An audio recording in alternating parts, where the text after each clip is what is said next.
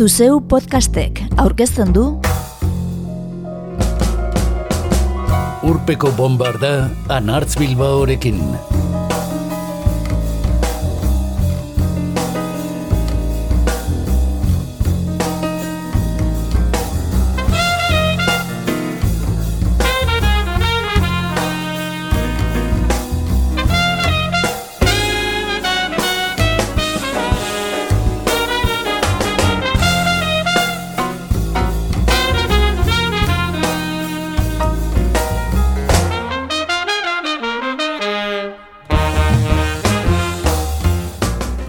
Mila bederatzireun dagoita bateko martxoaren amaikan, Astor Piazzolla jaio zen La Platan, Argentinan.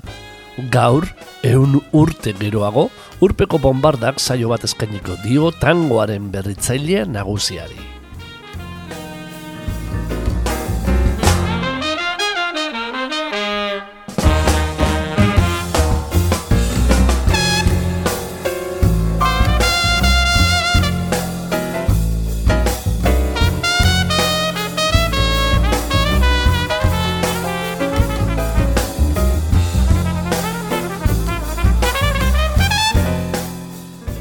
Piazzola bera entzungo dugu bando neonari eragiten jakina.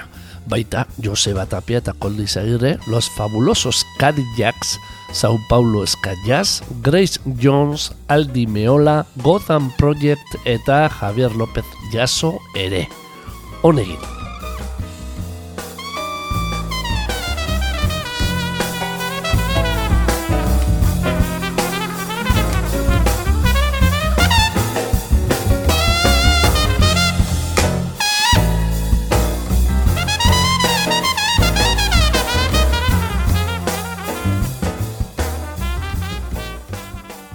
Piazzolaren obra bere garaian errotua, baina arago irauteko sortua, klasikotzat jo dezakegu jada.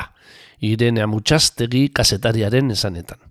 Akaso horregatik, 2008 bata Piazzolaren urtea da Argentinan, eta makina bat dira bere mendeurrena ospatzeko bertan antolatu dituzten ekitaldiak. Izan zuzeneko emanaldi, erakusketa argitaratze eta beste.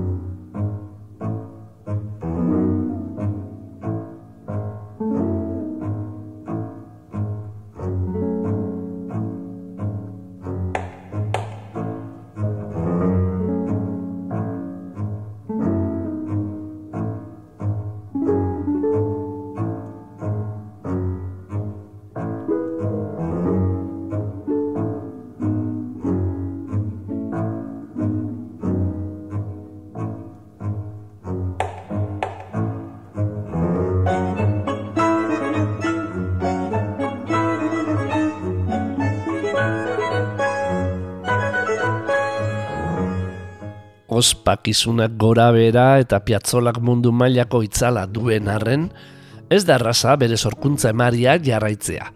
Diego Fisherman kasetariak aitortzen duenez.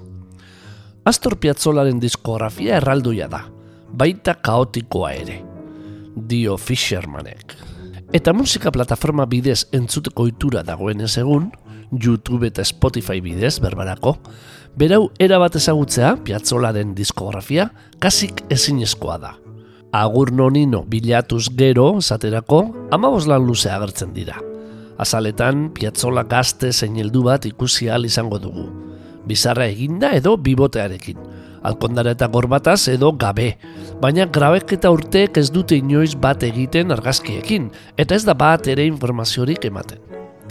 Eta okerrena, zera. Izen horrek gildan bakarra grabatu zuela bandoneon joleak bizirik zegoela. Mila bederatzen deirurogita bederatzean trobak argitaratua. Justu hori, ez da inon ageri. Horra Fishermanen salaketa. Tamales piatzolarekin ez ezik, ibilbide luzeko beste dozein musikariri ere ondo egokitzen zaion egoera.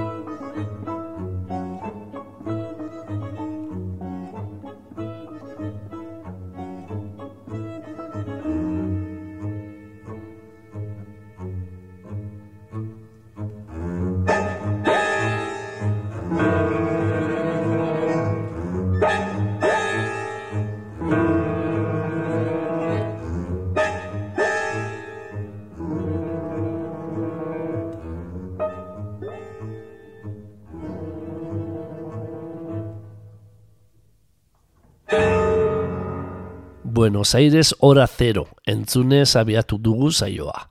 Astor Piazzolaren lehen boskotea bete-betean ageri duena. Mila bederatzerun deirurogeita iruan zuzenean grabatua, Radio Municipalen. Eta bere musikarekin zerikusi gutxi duten arren, Los Fabulosos Cadillacs, bizkorrak entzungo ditugu segidan. Buenos Aireseko eskataldeak mila bederatzerun dalarogeita mazazpian plazaratu zuen Fabulosos Calavera lan harrigarrian bandoneon joleari egin zioten omenaldian. Piazzolla.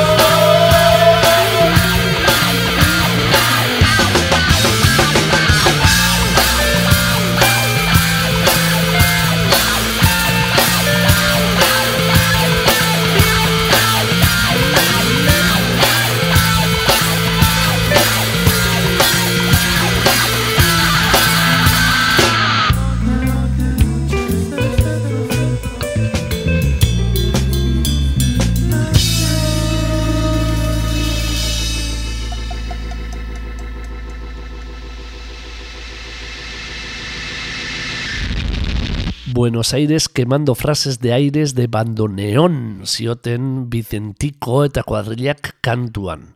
Como un diablo porteño, con tu bandoneón a toda velocidad. Astor, Astor, Astor. Baina Argentinara joan beharrik gabe ere, baditugu gurean piatzola aipatzen duten kantuak. Joseba Tapiak eta Koldo Izagirrek apoaren edertasuna lan zoragarria ondu zuten elkarlanean. Mila bederatzi dunda laro gita mazortzian, gaztelupeko hotzak zigiluak plazaratu zuena. Bertako putzu guztiek dute ondoan apoa kantuan, apoa salto-saltoka dabil munduan barrena, ibai batetik bestera. Eta jakina, Argentinara ere heltzen da, Rio de la Platan barrena. Ura badu, baina zilarra du falta. Piatzolak bezain triste jotzen du tangoa.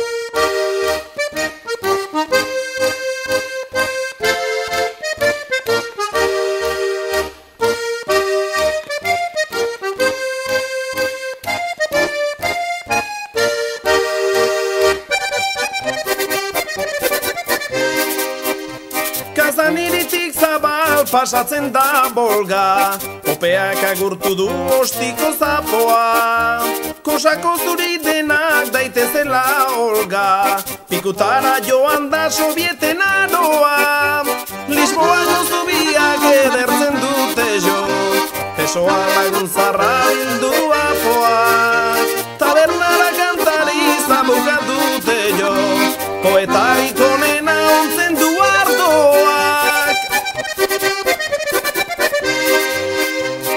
Luisianako lurretan dator Mississippi Ibai hori begitik sortu du apoak.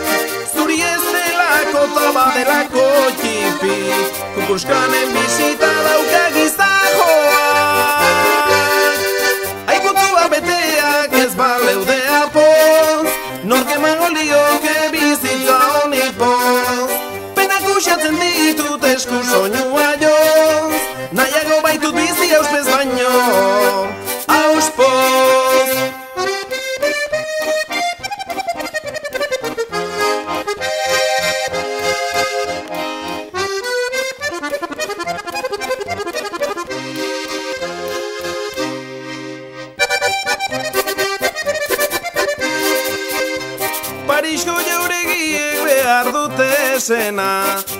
Versalles koloreek bezala poa. Komunako iraultzan gorri izan zena Eskuinaldera datorruk erdu zangoa Londona berazteko dago ta mesia Atetenetan jodura meskea poak Robin Hood gazpaldi hautsi du geztia Orain beste beso bat behar du arkoak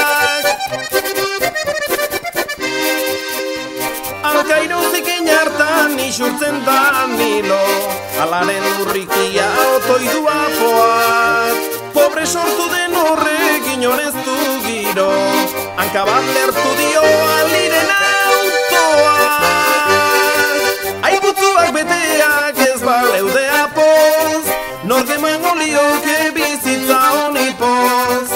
Penako xatzen ditut esku soinua joz. Nahiago baitut bizi auspez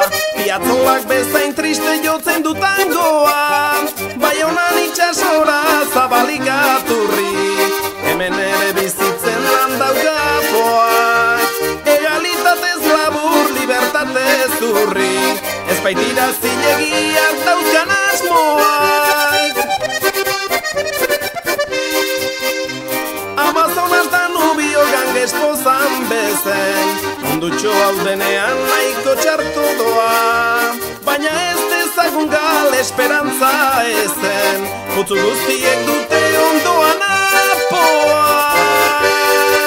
Aiputzuak beteak ez baleude apoz. Norge mango bizitza honipo Penak buxatzen ditut esku soinua joz. Nahiago baitut bizi hauzpez baino Hauzpoz Aiputzuak beteak ez baleude apoz. Norge mango bizitza honipoz fuxatzen ditut esku soinua joz Nahiago baitut bizi auspez baino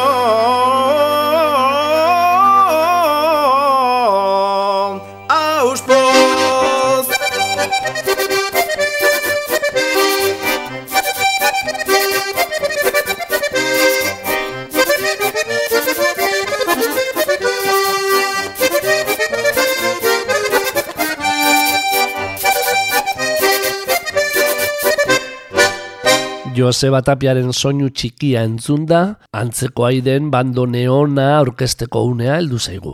Horixe baita betirako piatzolari lotua izango den musika tresna. Aizi instrumentua da, diosku Wikipediak.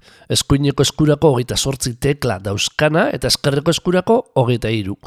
Heinrich Band Alemaniarrak asmatu zuen mila sortzirun de berrogeita marrean, baina gaur egun Argentinako tangoak jotzeko erabiltzen da batez ere. Eta piatzolak nola jotzen zuen bando neona? Entzun ondo, bere hitzetan kontatuko digu eta. Bandoneona amurro apur batez jo behar da, bortxaz. Astindu egin behar da jipoitu, dena eskatu bertzaio ezin irudikan ezake bandoneona aur txizontzi baten gizara jotzen duen morroirik. Ez, barruan duzun guztiarekin jo behar duzu. Ezin da klabikordio bat bezala jo, beste indar bat eman bertzaio, fizikoagoa. Gordo Federikok dion moduan, gorputzaren pisu guztiarekin jo behar da. Eta ez da jo behar teknikaren fanatiko batzuek dioten bezala irekita zarratuz. Itxiz, ezingo duzu inoiz ezer esan bandeonarekin, ezin duzu ezer egin. Nik esango nuke jotzen ditudan noten euneko amarra ere ez dudala jotzen itxiz. Kaiolarekin arnasa hartu beharragatik baino ez dut jotzen zarratuz, baina melodia bat jotzen dudanean euneko laro mabost irekiz jotzen dut. Horrela goza ezaket eta jotzen dudana. Zarratuz ez dut zipitzik ere gozatzen. Bandoneoi itxia zero bat da, ez ereza.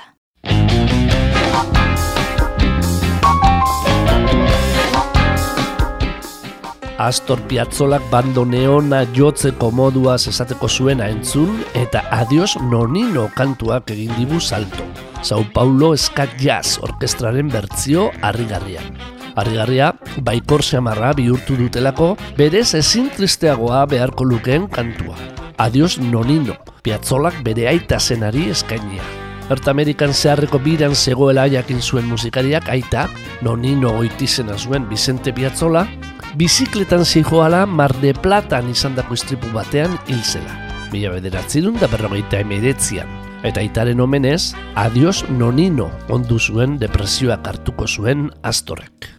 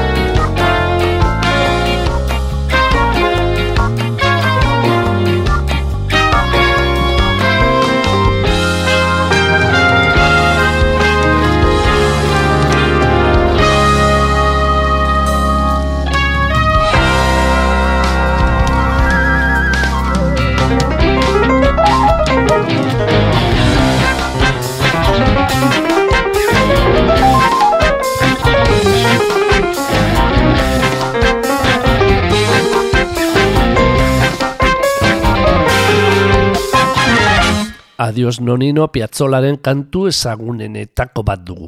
Eta bere itzalaren adibide garbienetako bat munduko edozein bazterreko ehunka talderen bertzioak dituela. Beste horren beste esan daiteke Argentinarraren lan nagusiena den libertan ere. Jarraian entzungo dugu. Piazzolak berak joa aurrena eta Grace Johnson moldaketan gero.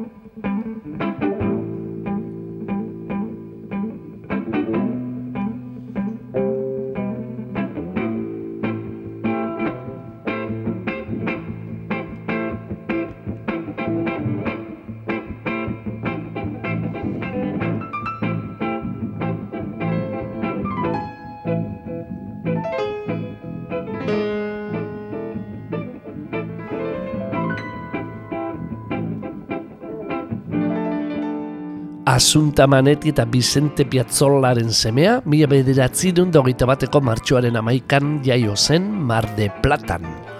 Gozotegi baten azpian bikoteak zuen bizilekuan.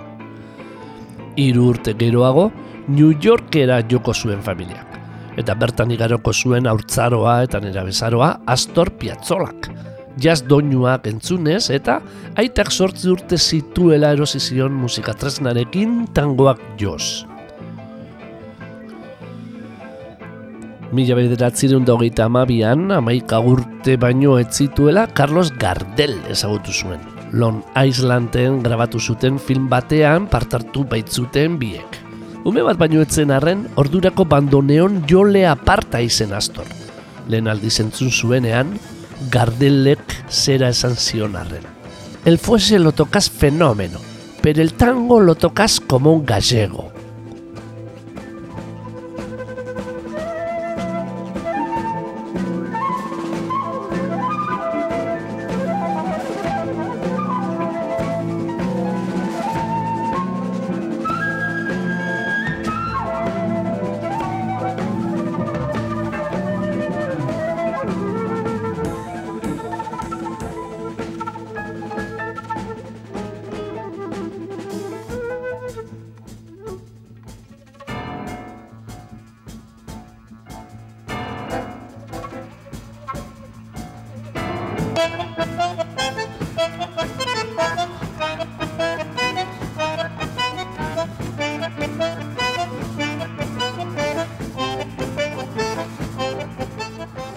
Kondairak dionez, borrokalari fama ere New Yorketik ekarri zuen bueltan leftik.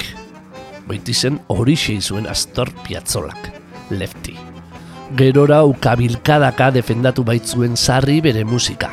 Kontuan hartu entzule, gaur egun Piazzola klasikotzat jo dezakegula esan dugun arren, bere garaian eta sarri gertatu hori denez, ez zizkiotela ondo hartu zekartzan berrikuntzak, eta kontra izan zituela tangoaren garbizaleak.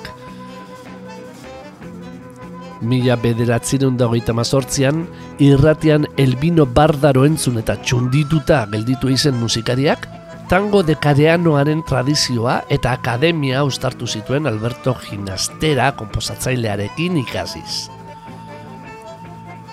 Aurra zela Harlemen entzuten zuen jasa, hausoko eskontza judutu harretan entzuten zuen musika, Schumann eta Bach, berrogeita marreko amarkadan beka bati esker Parisen burutu zituen ikasketak, guzti hori laruazal azpian sartzen doakizu, esaten zuen astorrek. Izan ere, adituek diotenez, bere musikoak gintzan grina berritzaile ikaragarria erakutzi zuen beti, jotzeko modu originala zuen. Inguratzen zuen monotoniatik atera beharra zegoen tangoa, zioen piatzola berak harmonikoki zein melodikoki, erritmikoki eta estetikoki. Tangoa izateari utzi gabe ere, entzuleari zirrara eragin behar dio, eta ez nekea.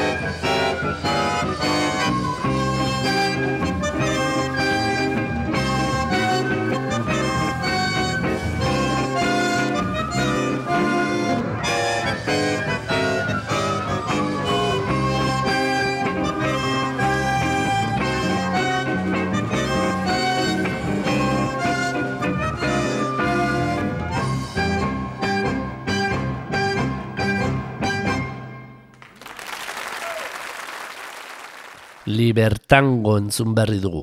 Astor Piazzolaren kantu ospetzuena. Bere bigarren sortzikote elektrikoarekin, mila bederatzen irurogeita mazazpian zuzenean joa, RTS telebistarako. Thomas Gubitsch, Gustavo Beitelman, Txatxi Ferreira, Daniel Piazzola, Osvaldo Caló, Ricardo Sanz eta Luisi Zerabolo lagun zituela. Eta kantu bera entzungo dugu berriro. Honakoan Grace Johnson ahotzean. Argentinarrak Milanen grabatu zuen lehen aldiz kantua. Mila bederatzirun deirurogeita malauan. Eta tantzalekuetako erregina izatera heldu zen jamaikarrak aldiz, I've seen that face before, berri zendatu zuen kantua. Bahamasetan zela, Iceland etxearekin lan berri bat atontzen.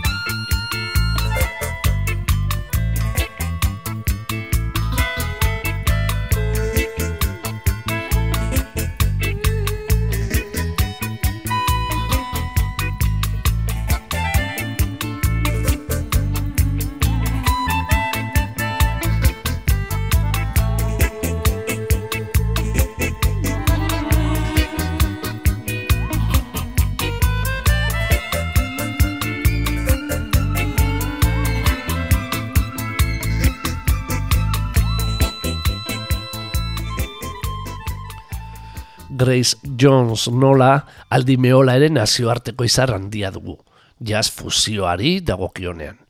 Estatu batu harrak esana da, kompositore gutxi daudela piatzolak bezala entzulen bihotzetan horren emozio sakonak zorarazteko gai.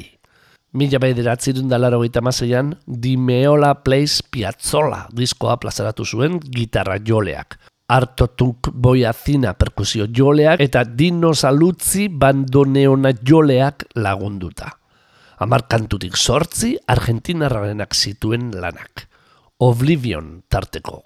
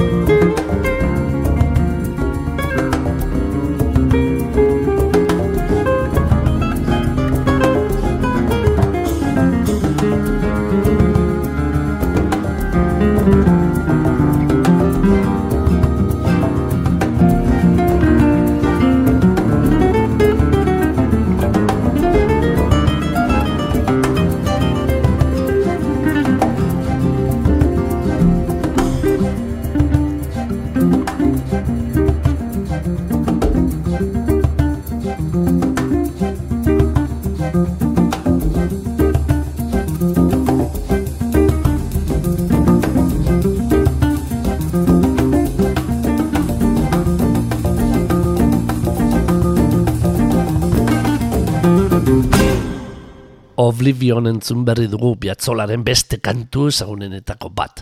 Eta bukaerara hurbiltzen ari garen honetan, Javier López Jaso soinu jole nafarraren un paseo con Astor entzungo dugu. Javier López Jaso eta Marcelo Screech Quartetet pagoda izeneko diskoa argitaratu zuen 2008an errabal etxearekin. Juan Maurriza baterian eta Luis Jiménez gitarran zela. Jasok akordeoia jotzen du eta Screechek kontrabasua. Piazzolaren mireslea da laukotea, eta zuzenean sarri jo izan dituzte Argentinarraren doinuak.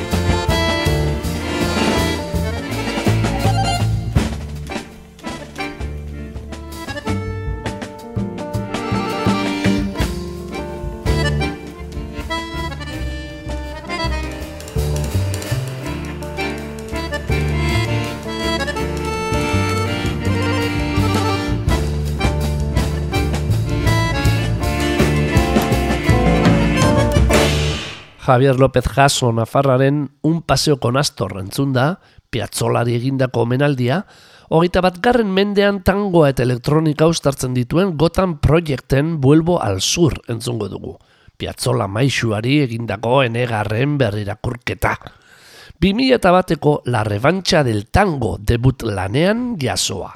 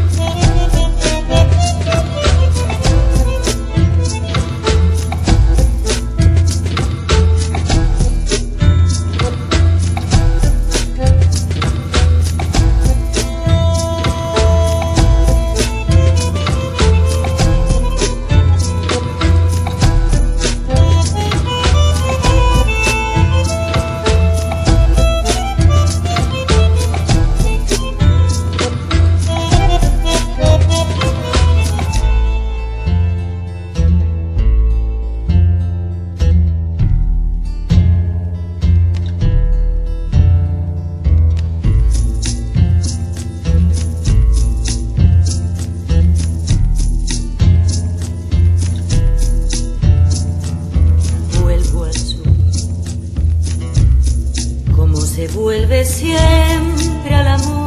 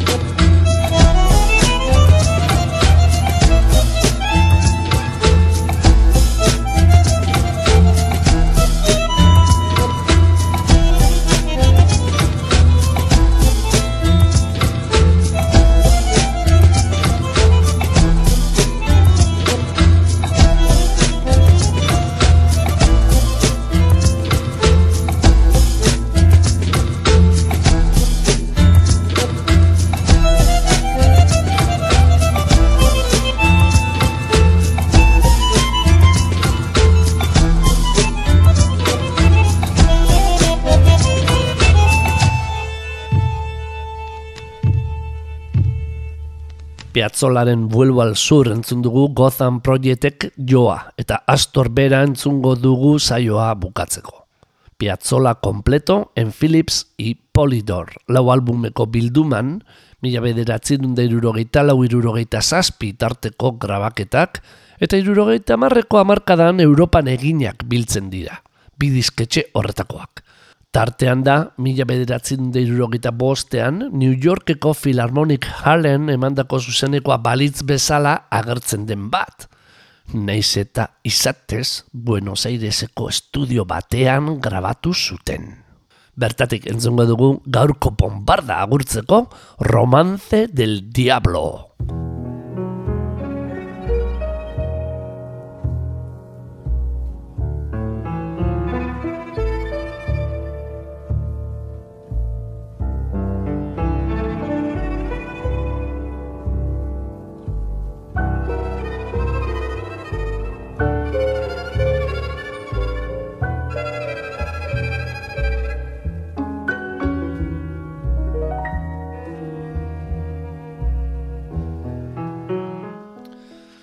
Piazzola bizirik zela, aldeko eta kontrako zaleen arteko eztabaida zutzuak izaten ziren irurogiko amarkadan. Kalapitak galantak nola Buenos Airesen ala Montevideon ere. Astorrek berak, Argentinan dena aldatu daiteke tangoa izan ezik, esaten zuen, kesuka. Astor Piazzolak, banda neona jotzeaz gain, itxasoa zuen maite, eta ekeitzek ikaragarri erakartzen zuten. Larogeiko amarkadan, berdin aurkik genezakeen musikaria Pariseko xatelean, Toulouseko kamen orkestrarekin joz, zein Buenos Aireseko zeme kutxun domina jasoz. Berdin Muntroko jazz jaialdi sonatuan boskote aurkeztuz, edo Beronan milbarekin, edo Japonen gari Bartonekin.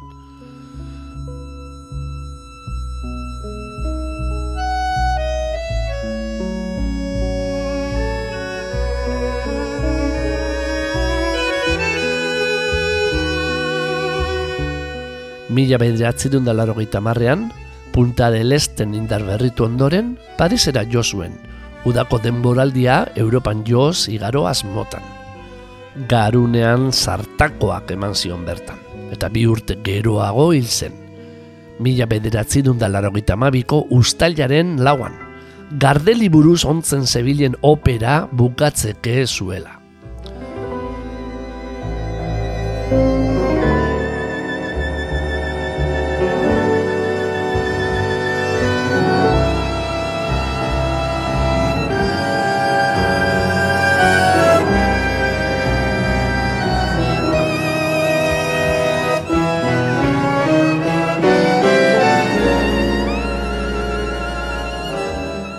Zendu aurretik irudikatua zuen bere ametzetako zahartzaroa. Izatz piano handi bat duen itxaso pareko etxe batean bizi, txakurrekin eta bizikletarekin. Marrazoak arrantzatzera joan. Etenik gabe musika ondu. Egunero whiskia edan zazpietan. Eta astia izan, asti gehiago idazten jarraitu ahal izateko.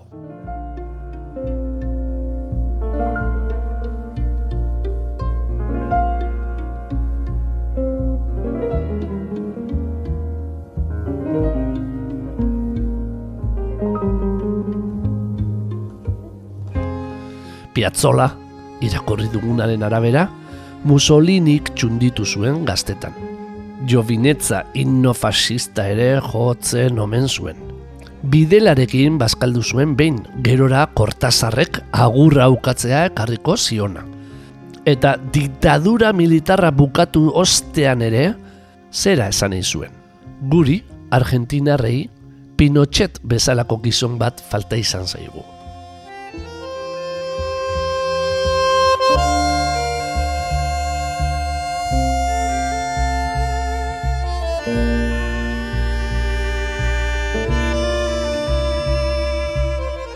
Bere manajerra zenak esan nahi da oholtzak gainean jainko bat zela Astor Piazzola eta oholtzatik kanpo putaseme bat.